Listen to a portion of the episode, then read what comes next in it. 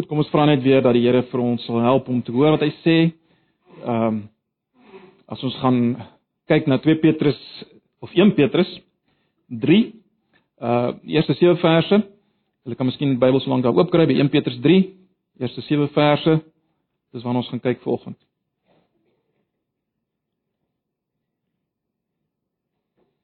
Kom ons bid net saam. Ag Here, baie dankie dat ons so kan buig voor U nou nadat ons U lof besing het. En ons gebed is nou dat U U woord sal gebruik. Deur die werking van U Gees om ons harte aan te raak, om ons denke te vernuwe en uiteindelik om ons te beweeg tot gedrag wat U verkondig oral waar ons beweeg. Dis ons gebed. Ons kom gee nou res van hierdie diens weer eens vir U verheerlik U naam in Jesus se naam. Amen. Goed, 1 Petrus 3.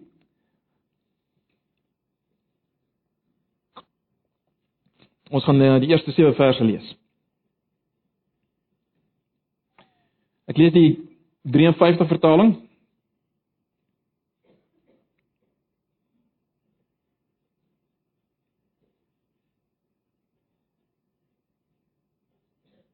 In Petrus 3 vanaf vers 1.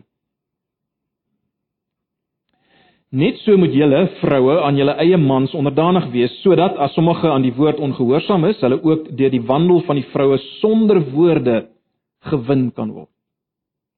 As hulle julle reine godvreesende wandel aanskou het, julle versiering moet nie uiterlik wees nie, haarvlegtery en omhang van goud en aantrek van klere nie, maar die verborgde mens van die hart in die onverganklike versiering van 'n sagmoedige en stil gees wat baie kosbaar is vir God. Want so het vroeër ook die heilige vroue wat op God gehoop het, hulle self versier en hulle was aan hulle eie mans onderdanig, so Sara gehoorsaam was aan Abraham en hom Heer genoem het, wie se kinders julle geword het as julle goed doen en geen enkele verskrikking vrees nie. Net so moet julle manne verstandig met hulle saamlewe en aan die vroulike geslag as die swakkere eer bewys, omdat julle ook mede-erfgename van die genade van die lewe is, sodat julle gebede nie verhinder mag word nie.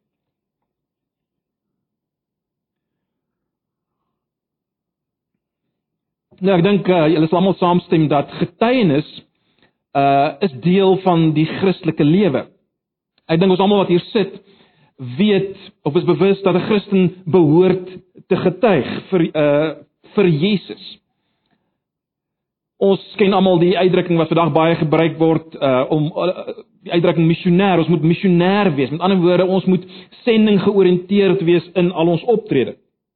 Maar ek dink ook as ons eerlik moet wees vanoggend, sukkel ons almal daarmee. Ons sukkel daarmee. Nou daar's verskillende redes waarom ons sukkel om uh, getuies te wees en missionêr te wees. Maar ek dink tog dat een rede is die feit dat ons almal sit met stereotipe idees van wat getuienis moet wees.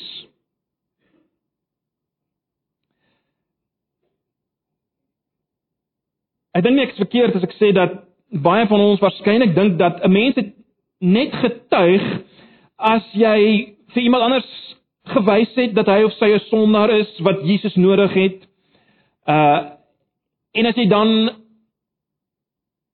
verder gegaan het en volledig vertel het wat Jesus vir ons gedoen het aan die kruis en dan nog verder as jy duidelik gemaak het vir die persoon wat geloof en bekering is en sommer ook nog bygevoeg het wat is vals geloof en valse bekering en so meer. Dan eers het jy getuig. Ek dink tog daar's daar's soms daardie gevoel uh, onder Christene. Nou as ons kyk na die gedeelte wat ons gelees het, is die saak van getuienis ook op die tafel. Al is dit nie so duidelik op die oppervlak nie. Ek weet dit is nie so duidelik op die oppervlak nie, maar die saak van getuienis is ook hier. En dit is natuurlik nie net hier waar die saak van getuienis op die tafel is nie, maar dwars deur die uh, 1 Petrus gaan dit juis oor hierdie saak dat gelowiges wat vreemdelinge en bywoners is, met ander woorde wat as te ware uitgedruk is van van baie dinge in die samelewing wie se burgerskap eintlik in die hemel is. In 1 Petrus wys Petrus hoe moet hulle in hierdie wêreld getuig?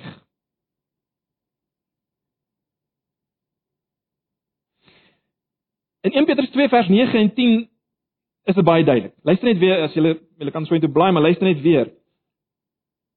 Luister wat sê Petrus vir hierdie gelowiges.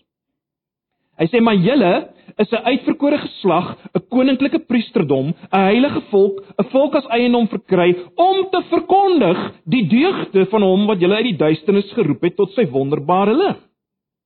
Dit is baie duidelik, né? Nee. Die Christene is nou God se volk, heilige volk, 'n koninklike priesterdom, waarvoor om te verkondig die deugde van hom wat julle geroep het vanuit die duisternis na die lig om te wys wie is hierdie God, sy deugde, wie hy is, hoe hy lyk. Natuurlik is die agtergrond van hierdie gedeelte Eksodus 19. Dit wat gesê is vir die volk Israel. Hulle moes as God se mense, as God se volk wat in 'n verbondsverhouding met hom gestaan het, totaal anders wees as die nasies rondom hulle en alles wat hulle gedoen het. In gehoorsaamheid aan hierdie God, al die voorskrifte, al die stipulasies was hulle getuienis. Hulle was totaal anders. Dit gewys deur hulle lewenswyse op alle vlakke hoe lyk God? En dis dit was hulle getuienis. Terloops, uh, in die Ou Testament beteken getuienis om te getuig vir God teenoor die afgode van die wêreld. Dis byvoorbeeld baie duidelik die gedagte in Jesaja. Getuienis in die Bybel het eintlik niks te maak met om te vertel hoe sleg ek was en hoe goed ek nou is nadat Jesus my gered het nie. Wat baie keer die inhoud is van vandag se getuienis. Dit gaan oor om te sê wie is God?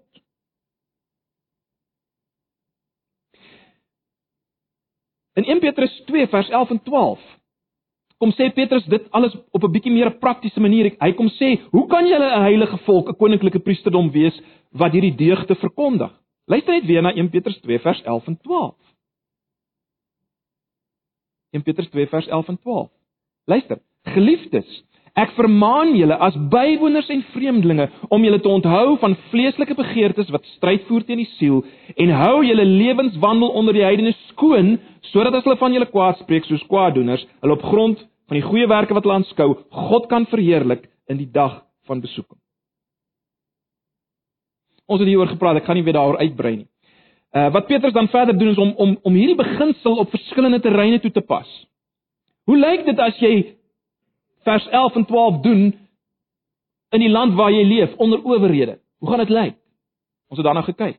Hoe gaan dit lyk vir 'n 'n slaaf, 'n dienskneg onder sy baas wat selfs soms onregverdig is? Hoe gaan dit lyk as jy so leef? Hoe gaan getuienis lyk as jy wil? Die fascinerende is dat hierdie getuienis, hierdie verkondiging van die deugde van God vind plaas sonder ingewikkelde verbale getuienis. Net soos Israel se getuienis plaasgevind het. Dis baie duidelik. Dit dit het baie duidelik geword uit die vorige gedeeltes wat ons gedoen het. Die lewe onder die owerhede en die lewe van die Christen diensknegte. Jy sien hierdie getuienis moet plaasvind deur goed doen, 'n goed doen binne die verhouding waarin jy jouself bevind. 'n manier van lewe wat so anders is as wat daar verwag sou word van iemand wat eintlik vry is in Christus. En aan 'n ander koninkryk behoort en en eintlik nie meer onder onder die owerhede hoef te wees in 'n sekere sin byvoorbeeld. Die getuienis van jy's plaas as as as mense hierdie totale andersheid aanskou. Hierdie totale andersheid. Jy sien hierdie getuienis vind plaas as as Christene nie hulle self verdedig nie, maar hulle self totaal plaas in die hande van die God wat regverdig oordeel. Dis Hoofstuk 2 vers 25. En broers en susters, dit was presies die getuienis van Jesus. Dit was die getuienis van Jesus in die tuin van Getsemane. Dit was die getuienis van Jesus op Golgotha. So het hy gewys wie is God. So het hy gewys wie is God.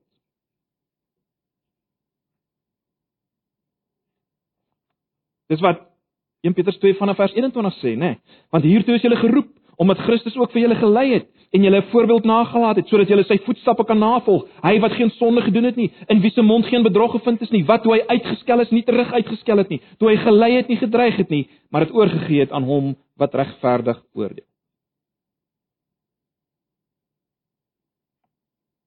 So die, die die punt wat Petrus daar maak is dat Christene moet in moeilike situasies optree soos Jesus opgetree het in sy pad na die kruis en dit is hulle getuienis van wie God is.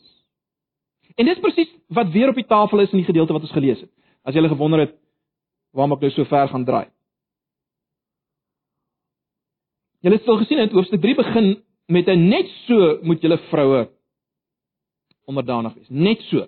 Nou die net so verwys na die vorige voorbeelde van onder die van die owerhede en die voorbeeld van slawe onder hulle baase, maar dit verwys ook na alles wat hy gesê het van hoe Jesus opgetree het. So moet die vroue wees.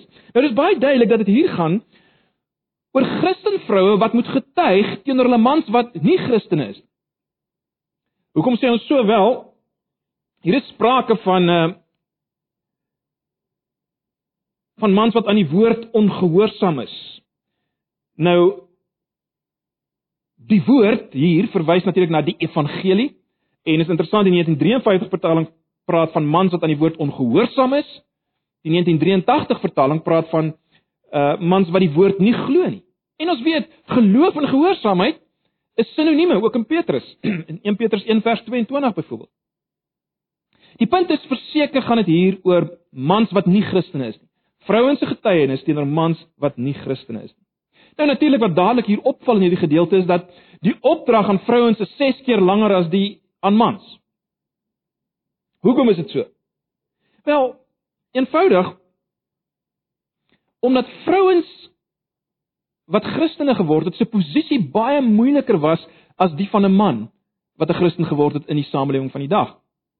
Kyk, as 'n man in daai tyd 'n Christen geword het, dan sou hy outomaties sy vrou saamgeneem het na die uh gemeentelike byeenkomste en so meer en daar sou uh, geen probleem wees nie. My waarheid sê sy het nie eintlik 'n keuse gehad nie, sy moes saamgaan.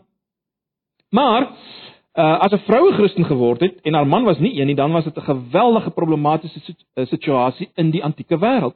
Want ons moet onthou, vrouens oor die algemeen het nie regtig regte gehad nie. Uh nie onder die Joodse wet nie, nie in die Griekse samelewing nie, onder die Romeinse wet het sy eintlik maar altyd 'n kind gebly. Ehm um, as 'n man sy vrou byvoorbeeld in egbreek gevang het binne die Romeinse samelewing, kon hy haar doodmaak sonder enige verhoor. Sonder enige verhoor. Dit was die posisie van die vrou. Vroue kon eenvoudig nie besluite vir hulle self neem nie. Uh daar's wel navorsers wat meen dat uh, die regte van vroue het wel gewissel van streek tot streek en daar's ouens wat meen dat in Klein-Asië het hulle bietjie meer regte gehad as byvoorbeeld sê net maar in Athene. Maar die punt bly steeds wanneer 'n vrou in die in die konteks van daardie dag tot geloof gekom het, 'n Christen geword het en da, en en daarmee totaal verskil het van haar man se godsdiens, dit was problematies. Dis gesien as as as 'n vorm van opstand, 'n vorm van rebellie. So hoe op aarde moes vrouens in sulke situasies getuig? Hoe op aarde kon 'n vrou 'n man bereik met die evangelie? Gegee hierdie agtergrond. Waar 'n vrou nie eintlik iets mag sê nie, waar 'n vrou nie regte gehad het. Waar 'n vrou sonder verhoor doodgemaak kon word. Hoe moes sy getuig? Moes sy vir haar man preek en vir hom wys op sy sonde en op die eindoordeel en dat sy enigste hoop is as as hy Jesus pleit om vergifnis? Wat moes sy doen? Moes sy haar man los en maar eerder met 'n Christen trou? Wat is Petrus se raad hier? Wat is sy opdrag hier? Wel baie duidelik, Petrus sê nie vir 'n vrou om vir haar man te preek en te argumenteer enigiets in daardie lyn nie. Hy sê ook nie vir 'n vrou om haar man te los nie.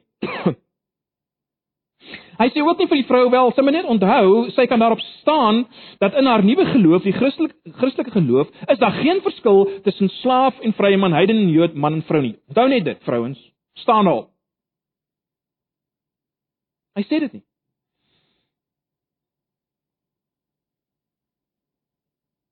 Wat Petrus in eenvoudige taal vir hierdie vrouens sê is bloot dit.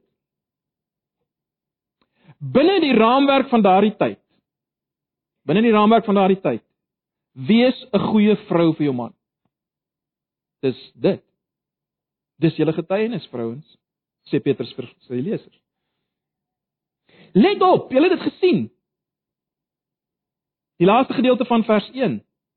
Die man moet sonder woorde gewen word. sonder woorde.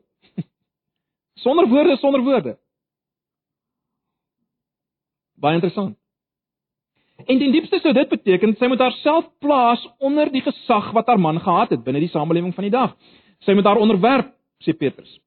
Nou sy was alreeds in hierdie posisie, soos ek nou reeds uitgewys het, maar eh, sy die, die punt is sy moes dit nie probeer verander omdat sy nou 'n Christen geword het. En dit is heel logies, want as sy dit sou probeer verander het, sou dit openlike veragting van die man wees. Dit sou kon lei tot die doodstraf.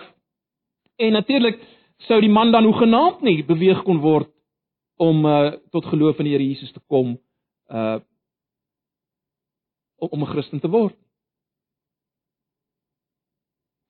Die punt is die vrou moet haarself onderwerp soos Jesus homself onderwerp het en sy saak in die hande van God gelaat het. Dis haar getuienis. En dit baie duidelik dat die vrouens moes dit moes hierdie onderwerping of laat ek laat ek so stel, saam met hierdie onderwerping moes die vrouens se lewens rein wees. Dis die een ding wat hy daar noem, né? Vers 2. Hulle lewens moet moes rein wees. Uh dit beteken ongemeng met dinge waarna die man die vinger kon wys. As iets rein is, is dit ongemeng. Hulle lewens moes nie gemeng wees met goed waar waarna die man vinger kon wys en sê kyk wat doen jy nie. Hulle lewens moes wees soos Jesus sin waarna Jesus mens kon nie 'n vinger wys na Jesus nie. Dis wat Petrus in die vorige gedeelte sê oor Jesus. Jy kon nie 'n vinger na hom wys nie. Daar was geen bedrog in sy mond te vind nie. Verder meer moes hierdie vrouens Godvreesend wees. Met ander woorde, hulle gedrag moes wys dat hulle ontzag vir God gehad het, 'n respek vir God gehad het. Die God waarvan sy bely sy is nou sy kind. Soos Jesus. En hierdie reinheid en godsvreesendheid moes duidelik wees soos klere en versierings wat jy aantrek, sien julle dit? Die punt is waar hierdie versierings waarna Petrus verwys uiterlik en sigbaar is, moes die Christenvrou se versiering innerlik wees. En, en dit sou natuurlik na na buite uh, of na vore kom uh na buitentoe. Baie eenvoudig gestel, die Christenvroue moes terwyl hulle aan die een kant net soos die nie-Christen vroue onderdanig was aan hulle mans, moes hierdie Christen vroue totaal anders wees en anders lyk en optree as die nie-Christen vroue. So eenvoudig soos dit. Hulle moes anders lyk en anders optree as die nie-Christen vroue. Dit moes wys in 'n lewe wat sigbaar radikaal anders gelyk het as die van die vroue van die dag waarin hulle geleef het. Dit was deel van hulle getuienis. Waarom noem Petrus hier van die ehm uh, haarvlegtery, omhang van goud, aantrek van klere? Eenvoudig omdat dit is die dinge waarmee die vrouens van die dag hulle besig gehou het. Kyk, omdat hulle nie vreeslik regte gehad het nie, hulle hulle hulle uh, moes ook maar basies bly by die huis en so meer. Is dit wat die vrouens gedoen het? Hulle het hulle self mooi gemaak vir die mans. Dis al wat hulle gedoen het. So hulle fokus was bloot op die mans. Dis waar hulle fokus was. Die vrouens, die Christen vrouens moes anders wees. Dit beteken nie, let wel, dit beteken nie dat hulle moes wetties wees en hulle mag nou net nie ook hulle hare vleg nie en hulle mag net glad nie goud dra. Dit is nie die punt hier nie, nê. Nee. Ons ons mis die punt as ons dit sê. Die punt hier is hulle fokus moes totaal anders wees. Hulle moes nie bloot op die uiterlike en die sensuele fokus nie. maar ook op die innerlike. Anders gestel, hulle fokus moes nie net die mans wees nie, maar God. Dis die verskil. Die fokus van hierdie vrouens moes nie net die mans wees nie, maar God.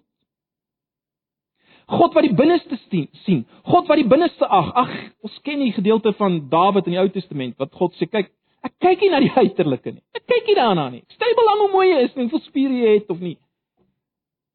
Ek kyk na wie jy is binne.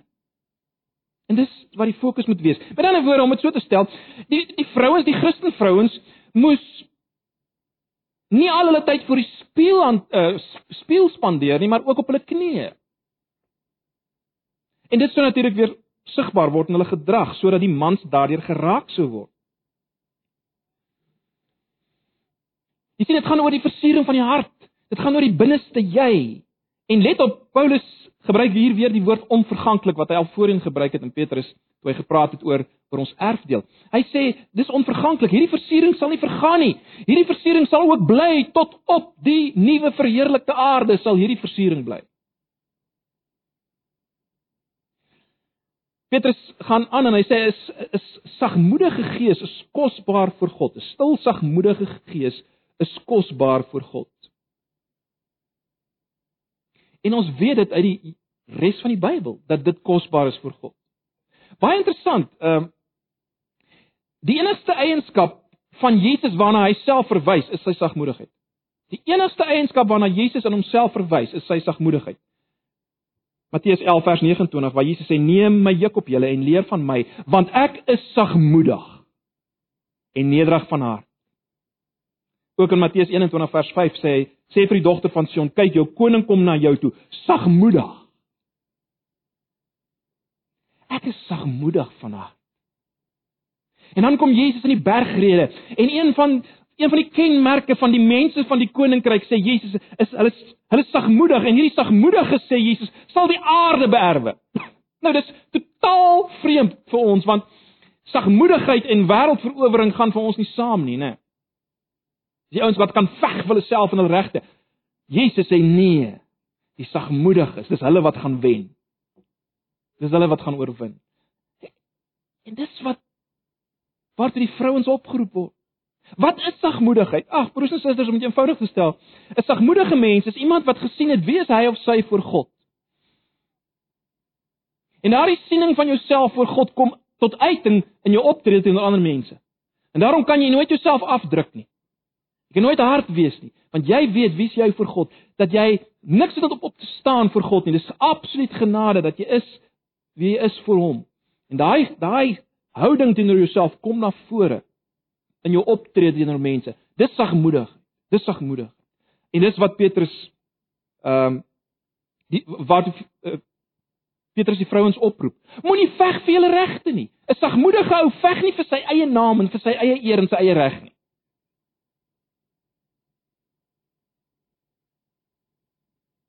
Ja, dit gaan oor God God se eer dan dan staan die sagmoedige vir God se eer, maar dit gaan oor homself. Hy veg nie, sy veg nie vir haarself nie. In vers 5 en 6 bemoedig Petrus die vrouens om te wees soos Sara in die Ou Testament. Hy wys hy wys eintlik dat Sara het op hierdie manier opgetree teenoor Abraham En en wat hy eintlik vir hierdie vrouens sê, hy bemoedig hulle eintlik as julle so optree, uh word julle kinders van Sara. En dis 'n geweldige voorreg want Abraham was die uh vader van die gelowiges en en Sara was sy vrou en word ook 'n geloofsheld genoem in in Hebreërs 11. En die groot ding van Sara was dit, sy het op God gehoop. En sy het nie gevrees nie. Dis wat wat wat ehm uh, uh wat Petrus uitlig in vers 6. Dat daar nie dan moenie vrees by julle wees, dan moet 'n hoop wees op God soos by Sara en dan moenie 'n vrees wees nie. Dis die oproep. Dis die oproep. So die punt is maar net hierdie hierdie vrouens moes by wyse van spreek hulle nie bekommer of hulle mans gaan Christene word of nie. Dit dis die Heilige Gees sou daarvoor sorg. Dit wat hy hier genoem het, dis wat hulle moet doen. Dis hulle getuienis. Dis dit. En is weer eens, ek vat dit saam. Hulle moes binne die raamwerk van hulle tyd goeie vrouens vir hulle mans wees. En so sou die mans die deugde van God sien, die deugde van God soos dit gesien is in Jesus. Hy sou sien dat sy vrou is van uit duisternis na lig geroep deur net na haar te kyk. Dis dis die punt wat Petrus hier wil uitlig. Kom ons kyk na die verpligtinge van die mans in vers 7. Net een vers word daar aanspandeer. Nou die opdrag is is baie kort, maar dis nie eenvoudig nie. Wat duidelik is ook hier is dat dit gaan hier oor mans se verhouding met hulle Christenvrouens. Want hier is nie sprake van vrouens wat gewen kan word nie en hier sprake van vrouens wat saam erfgename van die lewe is. So ek dink ons kan veronderstel dit gaan hier oor Christen mans se verhouding met hulle Christen vrouens en en dis deel van hulle getuienis want dit beïnvloed hulle gebede se krag of nie. Wat word gesê vir die mans om dit eenvoudig te stel? Uh Die punt hier is dat die mans het ook 'n verantwoordelikheid binne die huwelik wat hulle geestelike invloed het op hulle geestelike lewe. En dit is vreemd natuurlik in die Grieks-Romeinse wêreld. Uh ek het reeds genoem die die man kon sy vrou doodmaak as sy ontrou was. Maar sy het geen reg gehad om so iets te doen. En nou kom Petrus en hy sê Christen mans heeltemal anders by julle. Julle het 'n verantwoordelikheid. En daar's drie dinge wat hy uitlig. In die eerste plek sê Petrus, leef verstandig saam met hierdie vrouens. Leef verstandig saam met hulle. Met ander woorde, probeer verstaan wat vir hulle belangrik is. Probeer jouself in in hulle skoene plaas. En tree in die lig daarvan op. Nou dit was natuurlik nie maklik nie. En is nou nog nie maklik nie, né? Nee, is nou nog nie maklik nie. Uh Gary Smalley het 'n boek geskryf um uh, saam met iemand anders met die titel If Only He Knew en hy maak die volgende opmerking is is bietjie humoristies maar ek dink tog dis dis behulpsaam. Kom ek lees dit vir julle. Hy sê I would venture to say that most marital difficulties center around one fact. Men and women are en dan skryf hy dit in groot letters, hoofletters, totally different. The differences, emotional, mental and physical are so extreme that without a constant uh, concentrated effort to understand them, it is nearly impossible to have a happy marriage. A famous psychiatrist once said, After 30 years of studying women, I ask myself, what is it that they really want? If this was his conclusion, just imagine how little we know about our wives. Dit is 'n moeilike opdrag, dit is nie 'n maklike opdrag. Maar dit is deel van die man se getuienis. Dit is belangrik. Dit is deel van sy getuienis om verstandig met begrip saam met haar te leef. Nou hierdie saamleef het in 'n uh, in die eerste plek 'n konnotasie met die seksuele, maar is ook meer as dit. Is ook meer as dit. Baie belangrik, moenie vergeet nie. Ook die man moet steeds Jesus se voorbeeld navolg. So om verstandig met die vrou saam te leef, gaan ook van jou as man vra om sagmoedig te wees soos Jesus. Uh jy hoor wat ek sê. Moenie moenie moenie al die dinge wat die vrou gesê is, moenie dink dis nie van toepassing nie. Met ander woorde, dit beteken man sal ook moet leer om soos Jesus soms stil te bly en die saak aan God oor te laat. Ook as hy voel hy word onregverdig Hy's in 'n onregverdige situasie. Dis deel van jou getuienis. 'n Tweede ding eh, wat Petrus noem is bewys eer aan hulle as die swakkere geslag. Nou dit gaan verseker hier letterlik oor die feit dat vrouens fisies swakker was. Uh en in daai tyd is dit nie altyd in ag geneem nie. Dit was nie snaaks om uh, 'n man op 'n donkie te sien ry terwyl die vrou langs die donkie stap nie. Ehm uh, in die oosterse wêreld gebeur dit nou nog so. Uh so die mans, die Christen mans moet anders wees. Natuurlik ook as gevolg van die vrou se posisie was sy natuurlik baie keer intellektueel en so meer swakker. En en die punt is mans moes dit nie uitbuit nie. Hulle moes dit moes dit nie uitbuit. Weereens Weereens vra dit van die man stil bly. Vra dit van die man sagmoedigheid in sekere situasies. 'n Volgende ding wat Petrus hier uitlig is die feit dat dat mans mede-erfgename is saam met hulle vrouens. Uh Nou hy verwys hier maar bloot na die feit dat die man en vrou wat betref hulle verhouding voor God is hulle gelyk. Hulle gaan saam die erfenis skryf waarvan hy gepraat het in hoofstuk 1. En dit alleen moet sê vir die man sê wel dit maak saak hoe jy lewe teenoor hierdie vrou. Hoe jy optree. Dit maak saak. Dit het 'n invloed op jou geestelike lewe. En daarom is sy laaste punt wat hy noem of die die rede waarvoor hy gee om so op te tree is hy sê hoe hoe jy optree mans beïnvloed julle gebede. Dit kan julle gebede verhinder of nie. En ons weet deur ons gebede het ons 'n invloed in die koninkryk. Maak ons 'n impak in die koninkryk en die punt is dit gaan beïnvloed word deur jou manier hoe jy optree teenoor jou vrou. Daarom mans tree so op. verstandig. Bewys eer aan die swakker een. Dis die punt. Dis die punt wat Petrus hier wil maak. Jou gebede gaan beïnvloed word. En jou ons gebede het 'n invloed op die op die evangelie. En dis die punt. So jou manier van lewe binne jou huwelik het 'n invloed op die evangelie en op jou op jou getuienis daarop. So dis wat Petrus hier sê. Kom ons bring alles net 'n bietjie nader aan onsself.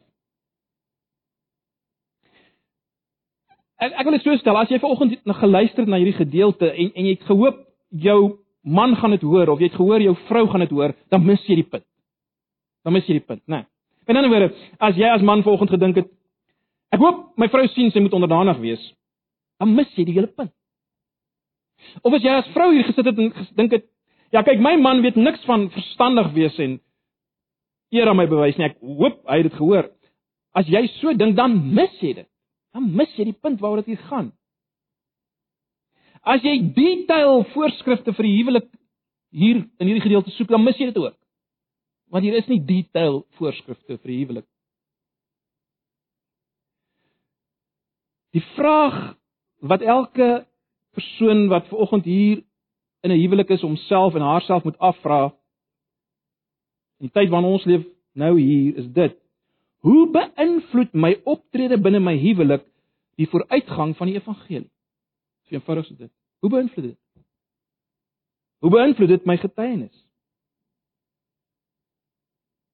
is my lewe binne my huwelik deel van my getuienis of beïnvloed dit my getuienis belemmer dit my getuienis dis die dis die issue dis die groot saak waaroor dit gaan né Tree ek op soos Jesus? Is ek in my huwelik besig met 1 Petrus 1 vers 11 en 12? Dis die punt. As jy dalk volgende hier sit as 'n Christen vrou en jy het 'n nuwe Christen man, moet jy jouself afvra of jou optrede binne die kultuur waarin ons vandag leef of dit 'n getuienis is teenoor jou man. Of dit jou man wen vir Christus. In 'n ander woord, as jy vir jou man uit die hoogte preek asof jy gearriveer het en hy nog nie, dis geen getuienis. As jy jou man verkleineer en voor ander mense vertel hoe sleg hy is en dat hy nie eintlik enigiets doen in die huis nie en so meer en so meer, Jy gaan hom nooit wen vir die evangelie nie.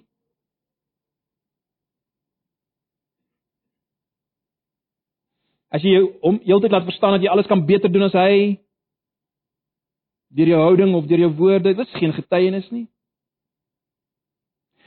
Die, die die punt is vir jou as Christen vrou, gaan dit beteken dat jy moet vlug vir die begeerte van die vlees wat stryd voer teen die siel, die begeerte om jouself te verhef, die begeerte om jou man af te kraak, sleg te sê, jy dalk al reg om dit te doen. Jy moet daarvan wegvlug. Dis hoe jy hom gaan wen. Kyk na Jesus, na sy verhoor en sy kruisiging. Kyk daarna vrouens.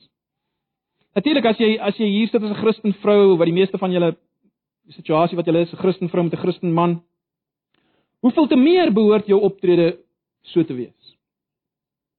Dis jou getuienis.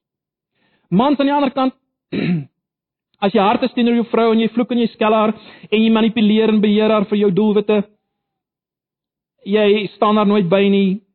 Jy verlig nooit haar las nie as die swakker een nie. Wel,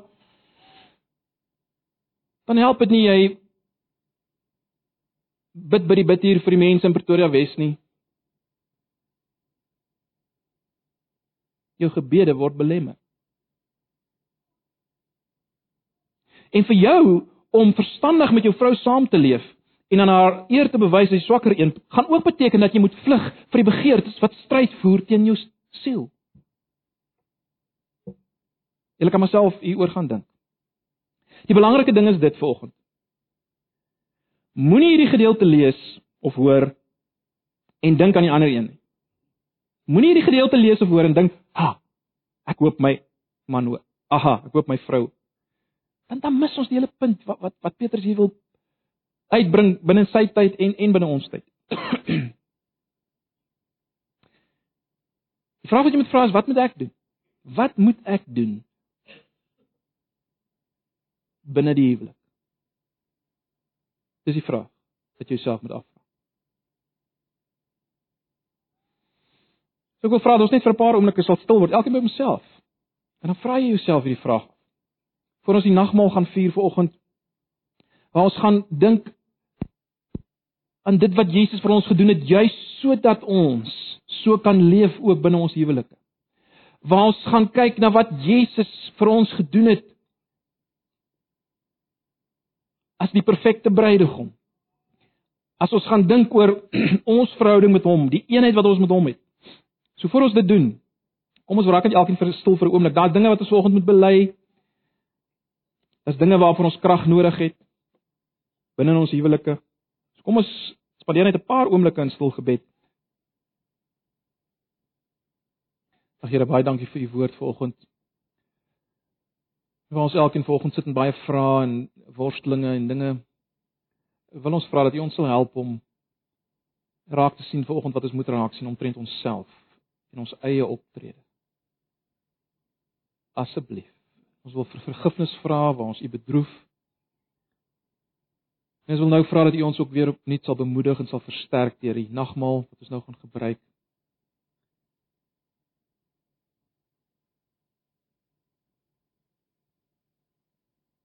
Ja Here, ons weet u werk wat u vir ons gedoen het, die verlossingswerk was juis sodat ons soos u dit stel soos ons op hier lees in 1 Petrus 2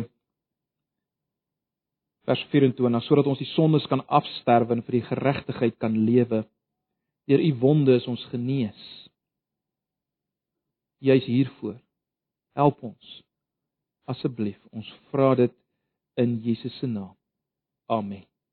Die nagmaal natuurlik is 'n verbondsmaaltyd wat 'n uh, eh, eh, mens anders kon stel amper as 'n as 'n huweliksmaaltyd tussen ons en die Here Jesus. En die geweldige is dat die tekens wat ons gebruik, is die tekens van sy lewe wat hy vir ons gegee het binne hierdie verhouding, binne die huweliksverhouding om ons te reinig en skoon te maak. Hy het sy alles gegee. Hy is die absolute volmaakte huweliksmaat as ek dit so kan stel, verbe wat ons ooit kan dink. Hy het dit vir ons gegee en as ons volgende die nagmaal gebruik, kom ons dink daaraan.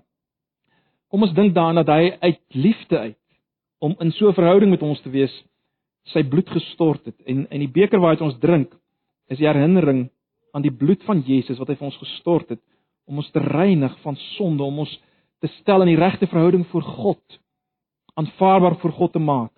Sy liggaam wat hy gebreek het het hy gebreek vir ons sodat ons liggame nie hoef gebreek te word voor God onder God se oordeel nie. En as ons vanoggend die die brood eet, dink daaraan dat ons as gelowiges deel het aan mekaar. Kom ons dink daaraan dat ons in 'n in 'n verhouding met met Jesus staan, in 'n huweliksverhouding, 'n verhouding van eenheid, 'n verhouding van gemeenskap en ook met mekaar. Dis die hele konteks waarin waarin ons die nagmaal vier met die hoop om dit eintlik eendag ook saam te vier by die groot bruilofsmaaltyd van die Lam. So kom ons gebruik die nagmaal en ons ons bedink hierdie dinge as ons saam is in die groepe, kom ons uh gebruik die tyd ook om te, te bid. Ons het nie regtig tyd spandeer aan gebed vir oggend uh voor die tyd nie. Die dinge wat daar op die bulletin genoem word, uh ons bid vir oggend spesifiek vir die Kongo. Ons bid steeds vir ons land ook. Ehm uh, vir mense in die gemeente. Spandeer die tyd ook uh in gebed as ons in saam die nagmaal gebruik. So ek nooi julle uit, kom ons gebruik die nagmaal as jy hier is vanoggend as iemand wat al is jy gebroke, ook in jou huwelik. Maar as jy vashou aan Jesus alleen vir verlossing, dan is die nagmaal vir jou om jou te versterk te bemoedig en aan te spoor om vir hom te lewe.